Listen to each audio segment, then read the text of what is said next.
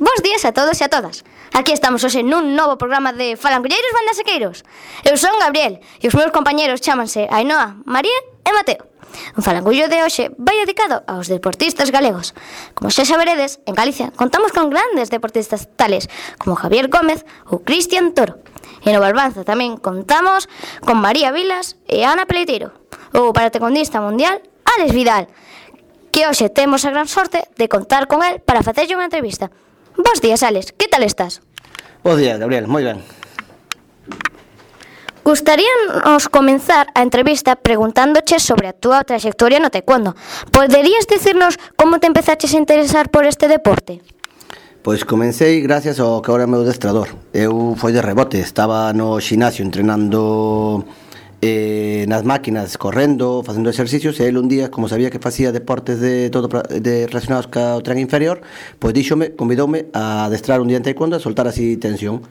Adestrei un día e engancheime. Cantos anos levas practicando? Pois comecei sobre o ano 2004 aproximadamente a, a facer xa taekwondo eh, de competición. Quen é o teu entrenador? Juan Luis Martínez Queiruga. Te veches algún entrenador máis? No, comecei con el eh, hasta agora, bueno, sumousenos ahora para o ciclo olímpico novo corpo técnico como Luis Casais, que é o meu preparador físico, ou Raúl Bouzas, que é o meu fisioterapeuta que me recupera as lesións. Que significou para ti? O taekwondo. Pois a verdade é que o taekwondo ora forma parte da miña vida, é algo que se meteu tanto na miña vida que é como se fixera unha nova familia, E a parte da familia que cando naces tes, pois agora eu tiño unha segunda familia que é a familia do taekwondo. Cando e por que decidiches ir a Galizas Promesas co risco de facerche un cao? Cando comecei, a verdade é que os meus compañeiros tratáronme como algún máis e do primer día que entrenei, a única pregunta que me fixeron foi se me mancaban as mans. Eu dixenlle que non, Entón eles deronme o primer día, entrenei como se si foron máis do, do clube. E fun para casa, pois, como se suele dicir, mallado como un pulpo. E eso gustoume, que me trataran si, como se si non tuvera ningún tipo de diversidade. Entón eu decidín ir a por máis, e a, a, a adestrar e intentar mellorar. Mellorei, e despois xa que estaba mellorando, pois eu son unha, unha persoa que lle gusta moito a competición, e decidín apuntarme á competición, a que lle pedín ao meu entrenador que me apuntara, e tuvemos problemas, pero conseguímolo. Ola, Alex. Agora vouche facer eu outras preguntiñas. Cando fuches a Eurocopa 2009 notaches algunha diferenza no sistema de xogo do taekwondo paralímpico con respecto ao taekwondo olímpico? Sí, a verdade é que no Mundial do ano 2009 pois eh, resulta que nos viñamos preparados de facer taekwondo convencional sin ningún tipo de diversidade eran tres asaltos de dous minutos e ao final, se chegabas empatado había un asalto máis que se chama o asalto de punto de ouro resulta que eu nese Mundial cheguei empatado ao último asalto que eran xa de tres por un minuto solamente E eu, eu volvía para a silla pensando que habería punto de ouro e resulta que na normativa dicían que no, que era decisión arbitral ao chegar empatados. Entón eu perdín ese mundial quedando empatado a final do mundial. Entón era como se me roubaran o ouro das mans. Cal é o teu horario de adestramento? Pois depende do día, eso marca o meu preparador físico, máis o meu entrenador, cando teño que facer sesión física polas mañáns, entreno de 8 da mañán ou 9 da mañán hasta terminar o tempo que me leve, según a sesión, e pola tarde entreno todos os días co equipo de competición eh, de 8 da tarde a 10 da noite. Como te sentiches ao gañar tres campeonatos mundiais seguidos? Pois a verdade é que moi contento. Ao principio, cando ves de perder dous mundiais, pois plantexaste como decir ao principio, pois que pasará? Non valgo para isto, pero ves que non perdes por unha diferencia moi longa, entón é base de entrenamento. Cambiamos o entrenamento, cambiamos o, a metodología e a verdade é que ao gañar o primeiro seguimos, sabíamos que íbamos ser o rival a batir, fomos a polo segundo, gañamos o segundo e así foi hasta o terceiro. Logo tamén todo deportista non pode estar sempre na cima, algunha vez hai que saber perder. Quen foi o teu maior rival? Pois o meu mellor rival é Bonfa, que aparte de ser moi bo amigo meu, é un francés, no que sempre somos rivais de que leva 4 mundiais gañados, eu tamén, el ten 4 europeos gañados, eu tamén, entón estamos aí a rivalidade máxima. Crees que o teu éxito é grazas á túa toalla? Pois pode ser, unha persoa bastante metódica e bastante supersticiosa. Foi un regalo dunha compañeira cando eu fui ao meu primer mundial, e acompáñame a todos os campeonatos que vou, e incluso nun campeonato casi me rouban, e anduven buscando por todo o pabellón por ela hasta encontrala. Poderías contarnos algunha anécdota? Sí, pois a verdade é que a anécdota así máis simpática que me pasou foi que nun mundial eh, chegamos cando fora no ano 2010 eh, fora a fume este do volcán non sei se recordades que houbera unha, unha nube volcánica Eh, e non pudéramos voar e casi non chegamos ao campeonato. Estuvéramos 24 horas tirados en Alemania. Eh, e chegamos ao campeonato xusto esa madrugada e sin dormir. Fomos para competir. Eu recordo quedar prata nese campeonato do mundo e estaban chamándome por para subir ao podium a, a recoller a medalla. E eu estaba nunha plancha dun tapiz os tapices de taekwondo son de un metro por un metro.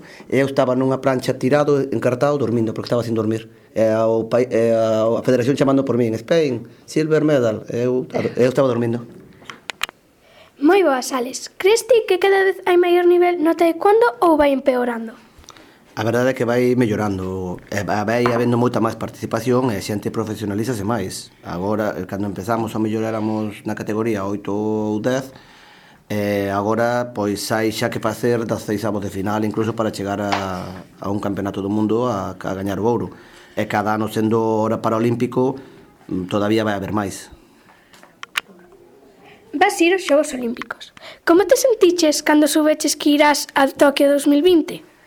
Pois a verdade é que ao principio o que sentín foi eh, alivio, porque levaba tres anos e medio loitando por unha praza, porque son o ciclo de 4 anos, E a verdade é que o conseguina, pero no do deporte a praza é para o país en principio. É quen decide quen vai ao país. Entón, no meu caso, normalmente é que quen consiga a praza é que o que vai, e cando mo dixeron, a principio sintes alivio por todas as recompensas deses 4 anos de traballo que se ven os seus froitos. E agora loitar para pelexar só un día e gañar. Que expectativas tes?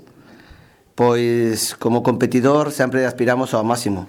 Logo, dependerá tamén do día que te como te levantes, que sabemos que solo te xogas todo un día, e que a sorte nos acompañe tamén, que tamén hai que ter algo de sorte no mundo deportivo. E como te preparas?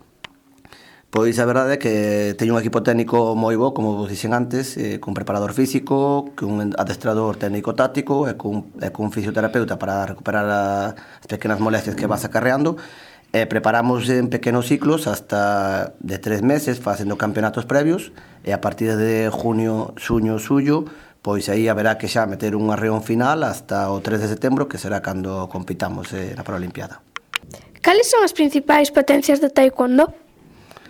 A nivel mundial, as principais potencias eh, soen ser no taekwondo convencional, pois Corea, eh, España unha das potencias, que temos medallistas olímpicos, eh, Estados Unidos tamén foi, E no para taekwondo depende o peso, hai bastante diversidade de, de xente. No, na miña categoría, por exemplo, Mongolia, Turquía, Italia, España, Francia, somos aí unha, un grupo bastante diverso de países.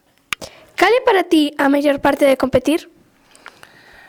Pois esa, esa tensión que sentes antes de salir ao tapiz, eso que che, que che fai sentir como competidor, que ese formiguillo que tes na barriga xusto a pisar o tapiz que vas para, para pelexar, é unha sensación que a min me encanta sentir.